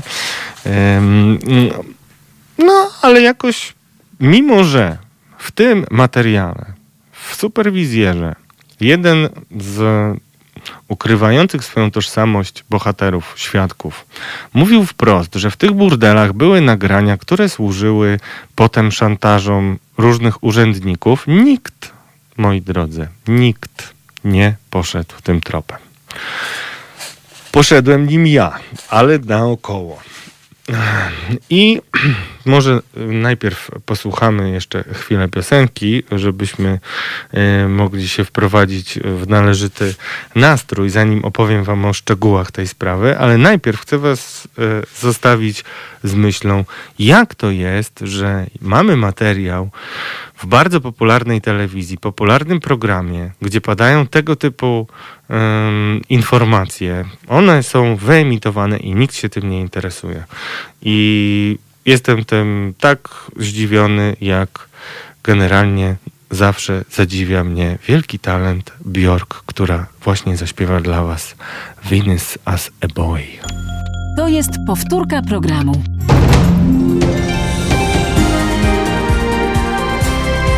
Halo Radio. Dobry wieczór Państwu. Wracamy na antenę i mamy długo przeze mnie oczekiwanego gościa, a w zasadzie gościnię. Dobry wieczór. Dobry wieczór.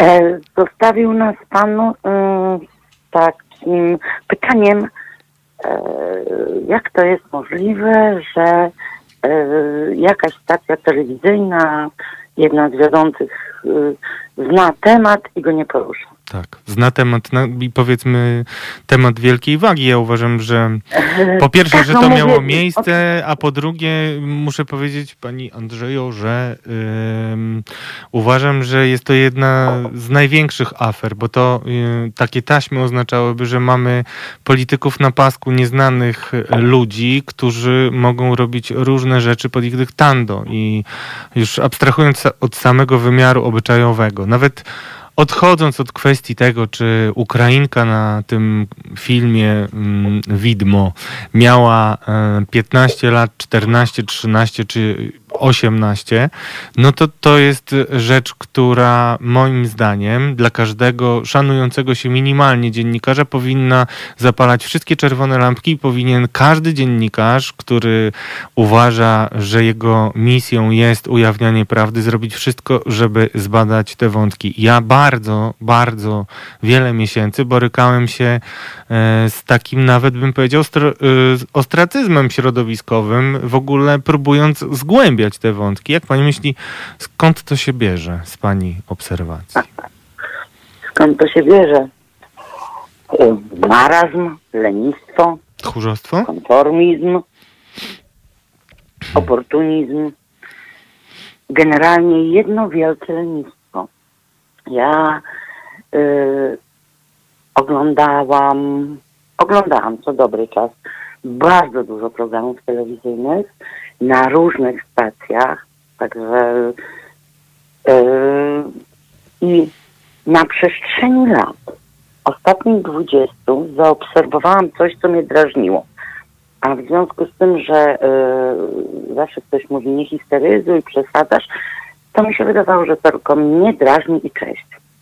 Drażniły mnie, mówię o przestrzeni 20 lat, tak, bo to tak mnie gdzieś tam e, wtedy tknęło. Ja widziałam tematy rozpoczęte przez dziennikarzy, rozpoczęte, zaczęte, e, pozostawione bez żadnego echa. Y, Chwila, y, dziennikarska chwila to czasami jest dzień, czasami godzina, czasami dwa dni. Tak mi się przynajmniej wydaje.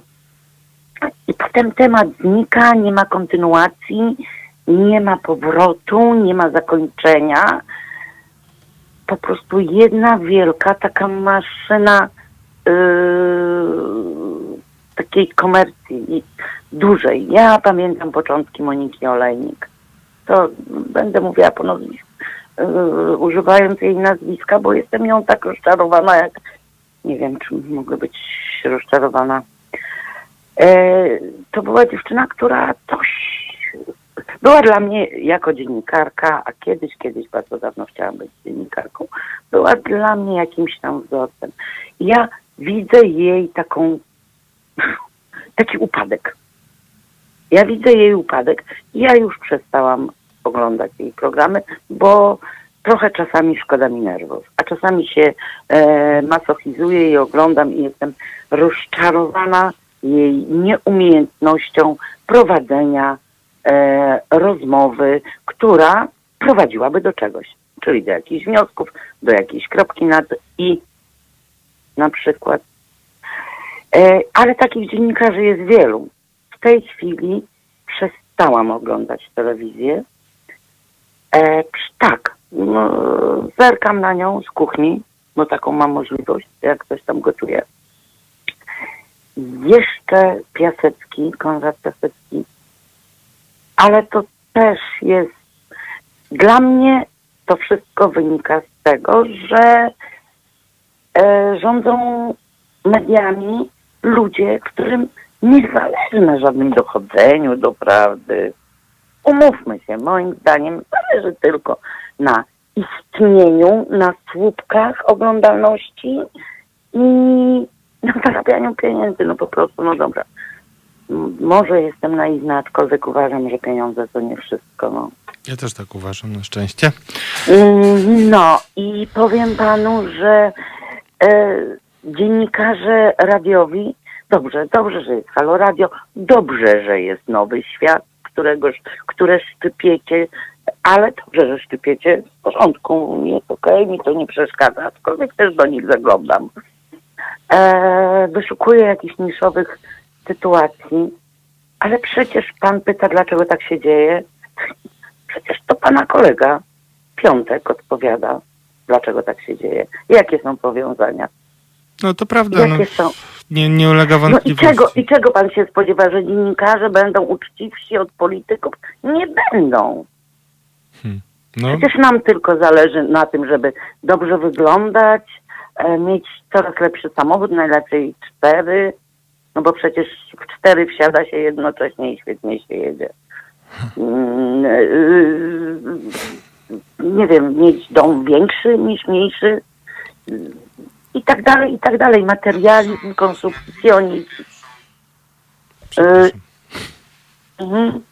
E, pożar wszystkich, pożar idee. No ja jestem, zawsze to powtarzam, osobą, która ma tą szklankę do połowy pustą. I tak to widzę. I jest mi smutno, ale zawsze znajduję jakąś, jakiś punkt odniesienia, czyli, czyli właśnie choćby Halo Radio. E, a jeszcze tylko, jeżeli mogę zabrać 15-20 sekund. Pan wspomniał o filmach Patryka Wegi. Tak jest. I powiedział pan, że służby specjalne, jest pan pod ich wrażeniem. A dla mnie wielkim kiczem, wielkim przerysowaniem, gdzie tam gdzieś aktorzy coś grali, były właśnie służby specjalne. Ja jak to obejrzałam, powiedziałam nigdy więcej Patryka Wegi. Okej, no to... Takiej komercji nie widziałam dawno w kinie, ja zaraz- która była reklamowana jako niekomercja. Bo ja rozumiem, jakbym poszła na Schwarzeneggera czy, czy kogoś innego, no to wiem na co idę, prawda? A tu spodziewałam się zupełnie in, i to, a dla mnie to było śmieszne, żałosne, żenujące.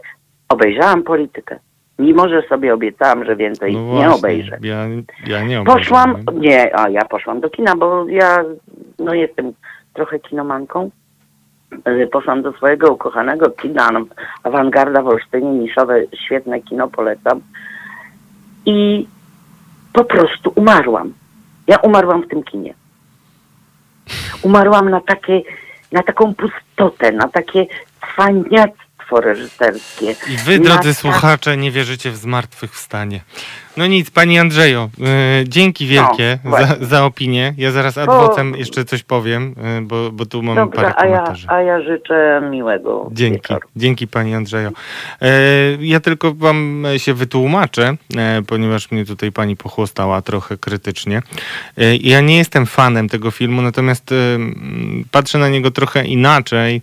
Znaczy, najwięcej, co mam do zarzucenia służbom specjalnym, to to, że mm, wykoślawiły dużo mm, tam e, wątków e, i e, wpisały się w takie dość łatwe wytłumaczenia niektórych afer, ale to jest, trzeba by mówić o różnych po, poszczególnych wątkach. Natomiast e, mm, ja jestem, uważam, że Patryk Wega potrafi bardzo dobrze prowadzić bohaterów i rzeczywiście kilka postaci tam, które zresztą miały swoje pierwowzory. Ja nawet znałem tych ludzi, bo grająca mm, oficerkę mm, skierowaną do ABW na, w celu infiltracji Olga Bołądź y, to jest autentyczna postać, z tym, że nie była kobietą. No, tak y, wam powiem w tajemnicy. Niemniej jednak y, chciałem wrócić na chwilę do tego, mm, do tego co się dzieje dzisiaj. Y, I powiedzieć wam, jak doszło do ujawnienia tej e, sprawy mm, i jak zapłaciłem za to e, taką dość stabilną pracą w mojej poprzedniej mm, e, redakcji zwanej Faktem. Nie żałuję wprawdzie, że tam nie- pracuję i bardzo się cieszę, że mogę do Was mówić oraz e, pisać w Okopres. Niemniej jednak em, no, to był taki punkt krytyczny. I chciałem Wam powiedzieć, co mną motywowało i być może kiedyś, jak już będę siedział w ciepłym fotelu i kosmici odczytają to i będą się zastanawiali nad tym, e, czym było dziennikarstwo, to może jakiś mały ufoludek pomyśli, że warto by było to robić. Ja zainteresowałem się tą sprawą z takich samych najczęściej powodów, jak najczęściej się interesowałem. Mianowicie dotarła do mnie notatka funkcjonariusza CBA, który informował swoich przełożonych o tym, że skierowano do niego asystenta jednego z posłów e, PiSu, który miał mu oferować różne korzyści w zamian za przekazanie taśmy, na której e, mieli być e, ważni politycy. Wokół tej notatki narosło dużo mm, legend. Ona przez moment była obecna na Twitterze, który jest e, takim źródłem no, e, jeżeli ktoś chce z niego korzystać i pójść tropami tam wrzuconymi, to może być dobrym źródłem, ale często jest po prostu takim szlamem i nie wiem, jaką, jakimś targowiskiem próżności, jak dla mnie, ale może to, e, to moja prywatna opinia. No, niemniej jednak ja zainteresowałem się, kim jest ten oficer, odnalazłem go, pojechałem do niego tam, gdzie mieszkał, na północ Polski, spotkałem się z nim w środku nocy w jakimś ciemnym lesie i rozmawialiśmy bardzo, bardzo długo na temat okoliczności powstania tej notatki. No i tak jak moim zdaniem każdy dziennikarz powinien się zachować, e, swoje notatki wziąłem i zacząłem je weryfikować. W międzyczasie pojawiało się dużo takich fałszywych tropów e, wokół tego. No i też niektórzy chcieli iść w taką tanią sensację, czyli mamy notatkę, opiszemy notatkę, generalnie nie wiadomo co dalej, nie wiadomo co wcześniej, no ale jakoś tam to poszło i temat jest odhaczony i zamknięty. No ja nie uważam, że, mm, że że tak należy robić, dlatego poświęciłem na to długi czas. Mogę wam nawet powiedzieć z życia mojego dziennikarskiego, że musiałem e, zostawić wszystkie telefony, bo to były też wymogi mm, bezpieczeństwa e, w spotkaniach z moimi informatorami, co zaowocowało tym, że byłem poszukiwany przez policję, bo niektórzy myśleli, że ponieważ byłem w złej formie psychicznej, że coś mi się stało, więc duże zamieszanie się z tego zrobiło. Potem nagle zaczęły się pojawiać jakieś dziwne samochody e, wokół mnie. No, bardzo to były mm, niezrozumiałe sytuacje i dość wyjątkowe. No ale to kazało mi e, jednak założyć, że coś e, się w tym kryje poza konfabulacją tego oficera i przeprowadziłem z nim rozmowę. E, A także, ponieważ jestem teamplayerem i nie robię tego dla sławy i jakichś apanarzy, y, co prawdopodobnie spowoduje, że zakończę swoje życie w przytułku, jeżeli e, moje dzieci nie zrobią kariery albo, nie wiem, nie, nie znajdę żony menadżerki. To oczywiście sobie żartuję, ale tak tak dokładnie było. No i zacząłem się obawiać różnych rzeczy, ponieważ zaczęły dochodzić e, do mnie i do e, prawniczki, którą poznaliście, która reprezentuje tego agenta. Ten agent, e, którego tożsamość poznały już, poznano już, to Wojciech Janik, już emerytowany, który nie chce mieć z tą sprawą nic wspólnego i też e, nie był w ogóle zaangażowany w film. I, e, o ile wiem, traktuje go z wielkim dystansem i nawet jest na takiej pozycji, że Patryk Wega zrobił coś niewybaczalnego, czyli z, związał się w jakiś sposób z przestępcami po to, żeby zrobić fajny film. Zostawiam to waszej ocenie. E, Bo nie, nie wszystko jest takie jednoznaczne e, w e, tej sprawie. No ale co udało się ustalić? Kiedy ujawniłem rozmowę razem z Mariuszem Gierszewskim, który pierwszy zaczął pisać o notatkach, które pisał agent Janik do Centralnego Biura Antykorupcyjnego, no biuro zaczęło zachowywać się bardzo dziwacznie. Zaczęło mnożyć różne oskarżenia pod adresem tego oficera. Zaczęły wypływać w prawicowych mediach różne informacje o tym, mm, że miał on depresję, co wskazywało na to, że może być niespełna rozumu. Ta historia żywcem przypominała historię majora Roberta Pankowskiego, który ujawniał różne patologie w żandarmerii wojskowej, więc e, był to schemat, który już znałem i niestety on toczka w toczkę, nieprzypadkowo tego sformułowania używam, e, przypominał mechanizm działania służb, które próbują skompromitować niewygodne dla siebie źródła.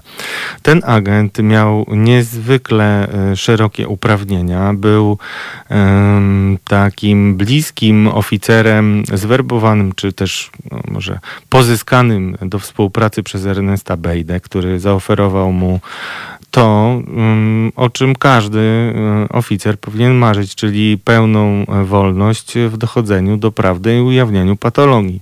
I tym się zajmował właśnie agent. I po prostu agent w rozmowach ze swoimi źródłami, które wcale nie są takie bardzo trudne do um, ustalenia, przynajmniej przez służby, y, twierdzi, że otrzymał e, płytę, na której był film właśnie z osobą łudzącą, podobną do marszałka Kuchcińskiego.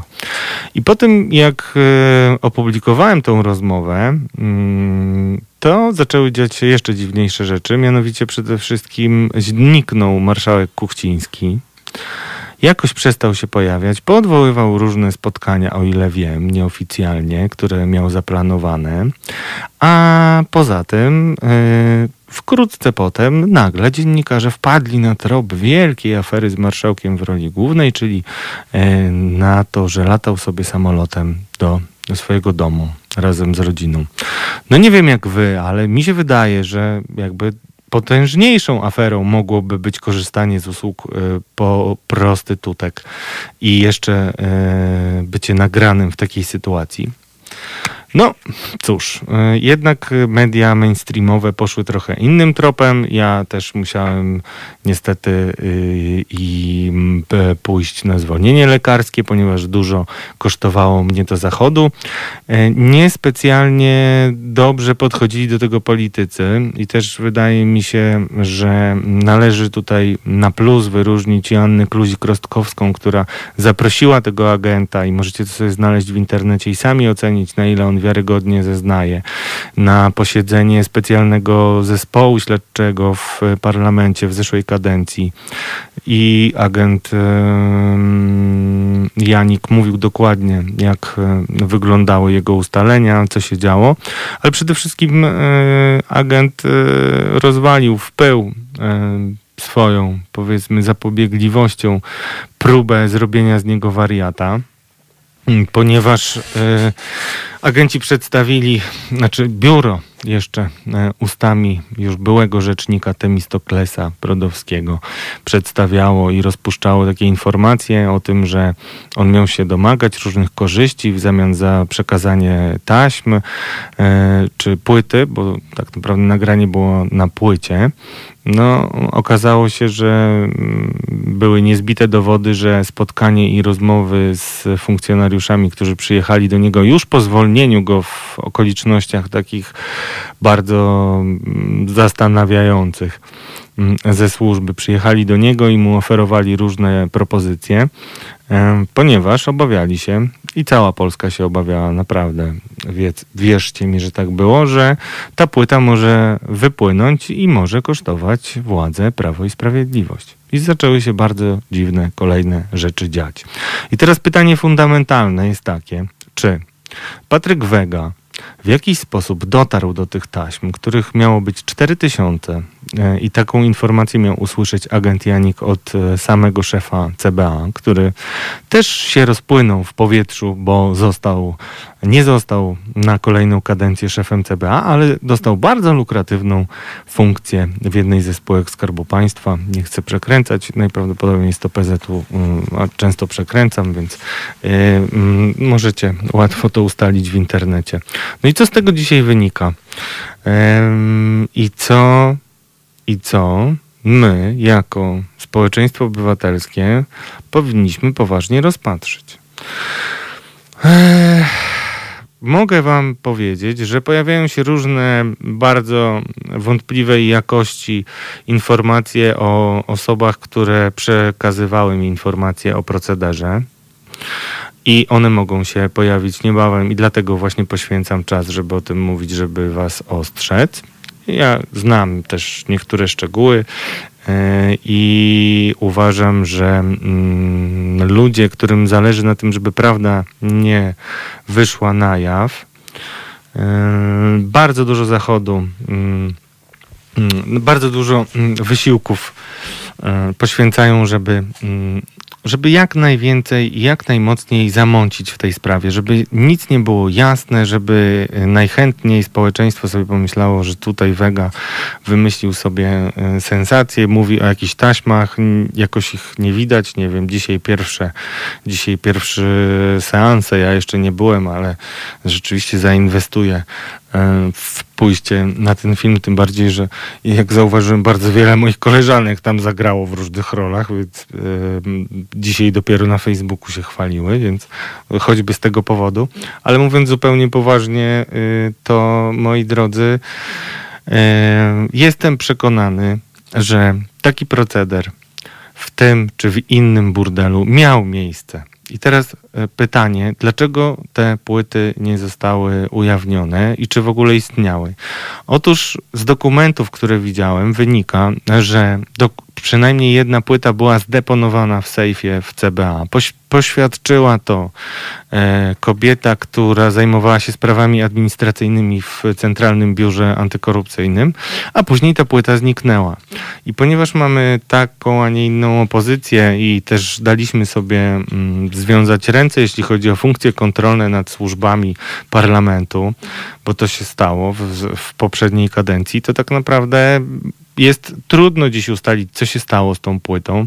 A co gorsze, te płyty cały czas mogą być w użytku, bo moi drodzy, haki wtedy działają i grają, e, kiedy są w szafie. Bo hak jest jednorazowym e, wydarzeniem. Ono może mieć takie albo inne konsekwencje. Nie jest wcale jasne, pamiętacie przecież długą listę afer PiSu, które no nie przełożyły się na utratę władzy, tak to powiem zgrabnie. Mm, I mm, z mojej pracy mm, z oficerami służb nauczyłem się między innymi tego, że nawet najbardziej precyzyjne planowanie operacji, prowokacji specjalnych może napotkać e, różne okoliczności, które spowodują, że cele założone nie zostaną osiągnięte. A jest to materiał tak, no takiej wagi, no bo mamy do czynienia z trzecią osobą w państwie, e, to z drugą osobą w państwie, bo marszałek Sejmu jest drugą osobą w państwie, nie premier, po prezydencie i przejmuje jego kompetencje. No i przede wszystkim ja mam do was pytanie, gdzie jest marszałek Kuchciński? Bo oczywiście były różne zapowiedzi i chcę wam też wszystkim powiedzieć i zaapelować do was, żebyście o tym nie zapominali, że w prokuraturze okręgowej w Warszawie toczy się wciąż śledztwo w tej sprawie, bo zarówno sam oficer e, składał pewne yy, zeznania, jak i też oskarżają go o różne rzeczy. Wszystko jest oczywiście utajnione i nie znamy i, i, i bardzo przewlekle się toczy. No niemniej jednak ślady w postaci zeznań tego oficera, który który przed prokuratorem może zostać zwolniony nawet z tajemnicy państwowej i zeznawać, mm, no zostaną. I one zostaną i być może kiedyś, jeżeli będą jeszcze jacyś dziennikarze, a powiem szczerze, że po mojej współpracy y, na razie dość krótkiej, między innymi z, znaczy nie między innymi, tylko z Okopres widzę, że są jednak ludzie, którym zależy na tym, żeby prawda była ujawniana i żeby była taką, prawdą, co do której nikt nie będzie miał wątpliwości, że jest ona jakoś motywowana ideologicznie. I tutaj bardzo dziękuję też Biance Mikołajewskiej, która prowadzi dział śledczy, bo ostatni tak naprawdę poza superwizjerem w Polsce, która angażuje bardzo dużo swoich sił i życia, żeby pokazywać wam e, różne mm, aspekty rządów Prawa i Sprawiedliwości, e, które nie są znane. I bardzo wierzę, że takie inicjatywy jako Kopres, kiedy, gdzie powiem szczerze, siedząc tam czuję się jakbym był trochę w redakcji Millennium z, z, znanej z y, powieści Stiga Larsona, to wierzę, że y, ta praca ma sens. Ale ta praca nie będzie miała sensu, jeżeli nie będziemy mieli w sobie odwagi, moi drodzy. I teraz to ta myśl, z którą chciałem was y, zostawić, to mm, może najpierw pytanie, bo wiecie, ja jestem tylko człowiekiem. Mm, mm, też mnie to wszystko dotyka. E, co się dzieje. Też mam takie poczucie, że walę w mur, to cieszę się, że zadzwoniła poprzednia, poprzednia gościni i mówiła o tym, e, co bardzo mnie bolało w dziennikarstwie, czyli o niekończeniu tematów, czyli zaczyna się coś, potem nagle jest coś umorzone, ktoś, e, kto się wcześniej jeszcze ekscytował tematem, nagle o nim zapomina z niezrozumiałych względów. No tak nie może być, ale duża w tym rola opinii publicznej, bo jeżeli opinia publiczna e, nogami wskazuje swoje zainteresowanie pewnymi tematami, to to daje nadzieję, że media, nawet mainstreamowe, będą te tematy podejmować. E, to jest primo. Sekundo, e, to jeżeli nie będziecie sami udostępniać różnych materiałów, które budują wątpliwości wasze, dzielić się nimi, bo każdy z Was dzisiaj szczególnie jest takim małym medium i wasi obserwatorzy, e, wasi znajomi na Facebooku, na Twitterze, na Instagramie, dzięki Wam mają szansę zadać sobie różne pytania, które ja też dzisiaj Wam stawiam. E, I e, jaki by nie był film Patryka Wegi, to na dzisiaj bardzo jest dla mnie zastanawiające to, czy te informacje, które do mnie docierają, jeśli chodzi o różne naciski na ludzi, którzy informowali mnie o procederze nagrywania, no. Pojawiło się takie dziwne nagranie Patryka Wegi na jednym z portali, które y, jest, y, no właśnie niby nie wiadomo, że to jest Patryk Wega. No ja słyszę tam głos łudząco podobny do Patryka Wegi i powiem szczerze, nie chciało mi się już go słuchać, no bo to jest taka rozmowa y, człowieka z Wiemy tylko z opisu, że jest to podobno jakaś pani, która mm, para się najstarszym zawodem świata i generalnie rozmawiają o seksie.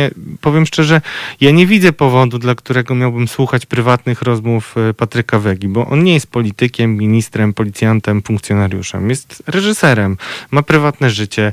Jeżeli nie krzywdzi nikogo yy, czy nie popełnia przestępstw, to jakby no, to jest jego sprawa i ja, ja nie widziałem tam, nie chcę słuchać słuchać po prostu tych nagrań. Natomiast jeżeli ktoś e, takie nagrania wypuszcza w przededniu premiery, a jak powiedziałem wcześniej, e, Także różne informacje do mnie docierały bardzo wątpliwej jakości i mm, mam poważne wątpliwości co do tego, w jaki sposób powstały e, odnośnie tegoż oficera i wielu innych oficerów, z którymi rozmawiałem no to mm, wydaje mi się, że mamy tutaj do czynienia z taką sytuacją, w której być może Patryk Wega y, w imię mm, korzyści finansowych, mówiąc wprost, czyli komercyjnego sukcesu, odegrał rolę pożytecznego idioty, albo może um, udaje tego idiotę i doskonale wie, co robi.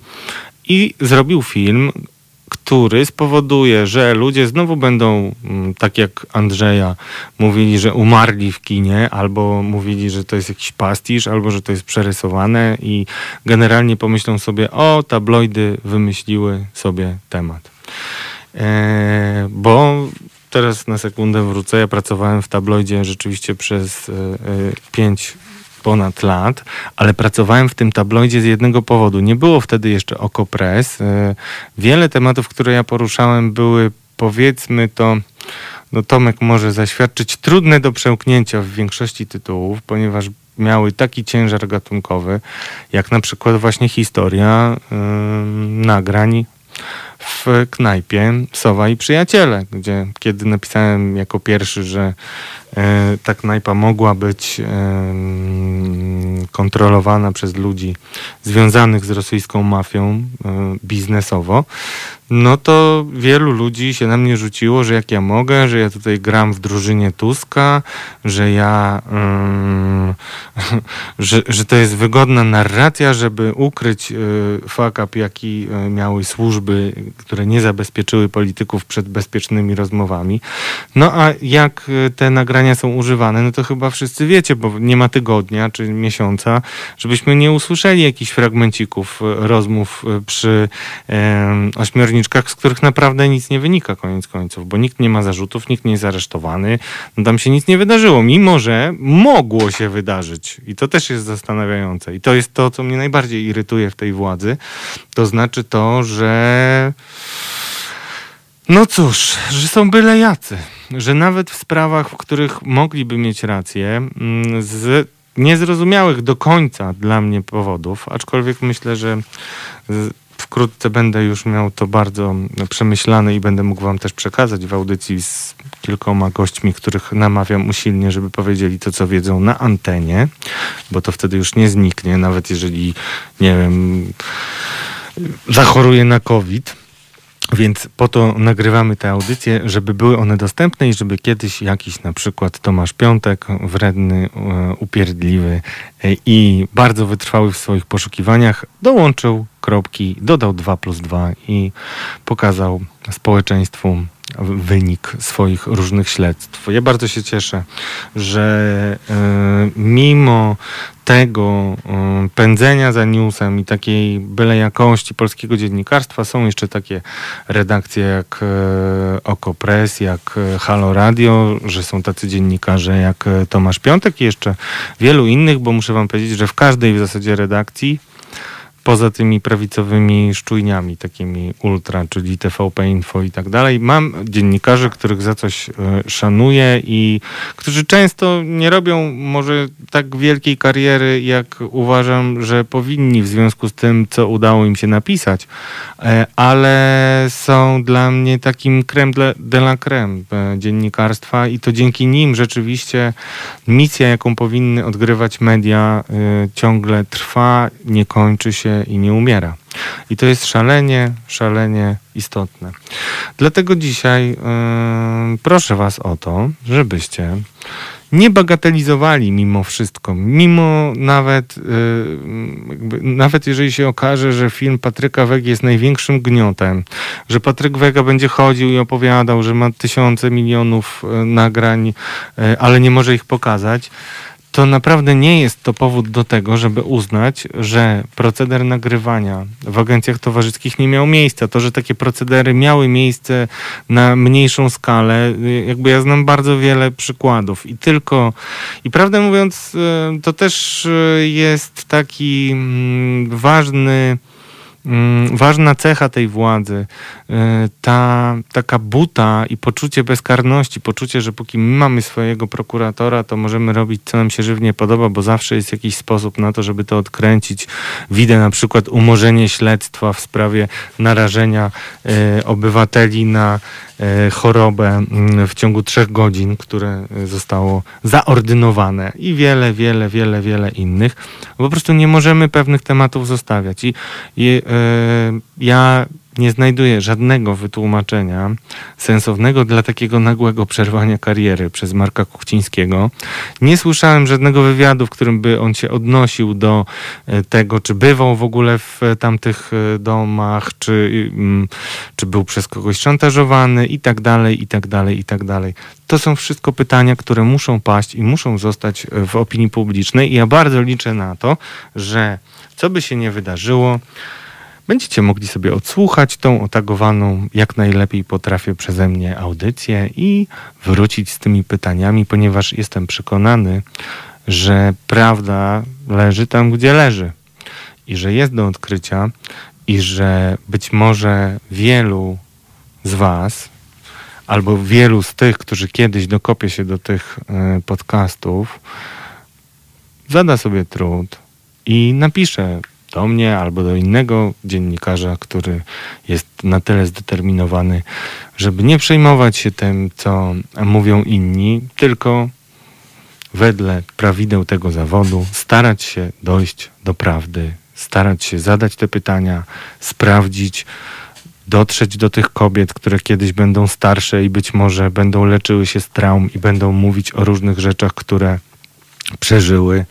To wszystko jest szalenie istotne. Więc nawet jeżeli dzisiaj żyjemy w takich czasach mało optymistycznych, gdzie dziennikarstwo zdaje się zwijać, to popatrzcie mm, i zastanówcie się mm, i docencie też takich ludzi, jak mój poprzedni gość, który przez 28 e, lat ciągle przypomina o tym, że ta sprawa jest niezałatwiona i być może jednak w jakiś sposób prawda o tej zbrodni wyjdzie na jaw, a ci, którzy jeszcze przeżyli, odpowiedzą za to w jakikolwiek sposób. A my, drodzy obywatele, w ostatnią minutę naszej audycji mogę Wam powiedzieć, mamy w tym do odegrania rolę fundamentalną, bo jeżeli Wy nie będziecie pamiętać o tym, jak żmudna i ciężka jest to praca, i nie będziecie cenić takiego dziennikarstwa, pod każdym względem. Ja tutaj Wam też przypominam, że przecież nasze radio funkcjonuje tylko i wyłącznie dzięki Wam. I na pewno nie usłyszycie podobnej audycji e, z podobnymi pytaniami mm, w innych miejscach, bo korzystam z tego, że mogę do Was przemawiać nieskrępowanie, ponieważ e, nie jesteśmy zależni od reklamodawców, od e, różnych organizacji, które by nas koordynowały i tak dalej. Jesteśmy tylko i wyłącznie podporządkowani temu, jakie mamy wartości, temu, że dziennikarstwo nigdy nie może się opierać na kłamstwie świadomym, że dziennikarstwo musi stawiać najtrudniejsze pytania i przede wszystkim mm, odbiorcy muszą zacząć albo namawiać innych do tego, żeby zaczęli myśleć samodzielnie i stawiać sobie pytania, bo to jest coś, co przez ostatnich 20 lat zdecydowanie leżało odłogiem. Nie nauczyliśmy jako media, zaniedbaliśmy swoją rolę edukacyjną i nie nauczyliśmy ludzi oddzielać ziarna od plew, pokazywać im, jakie tematy są ważne, jakie wątki są ważne i jakie tajemnice należy e, brać sobie na tapetę i żądać ich wyjaśnienia. I z tym właśnie gorzkim być może trochę przekazem Was zostawiam, mając nadzieję, że wciąż wszystko, co najlepsze, jeśli chodzi o ujawnienie prawdy, jest przed nami. Bardzo dziękuję Wam za dzisiejszą audycję. Zapraszam Was już e, na mm, jutrzejsze pasma moich kolegów i koleżanek e, i zapraszam Was też e, na poniedziałek.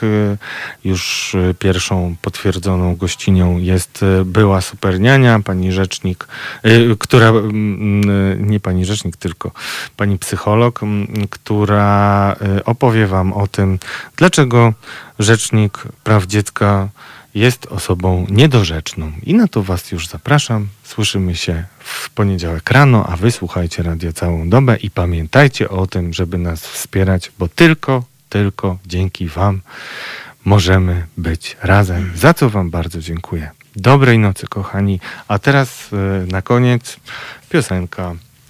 O, I dziękuję też oczywiście za prowadzenie mm, dzisiejszej audycji. A teraz e, Road Trip in Red Hot Chili Peppers.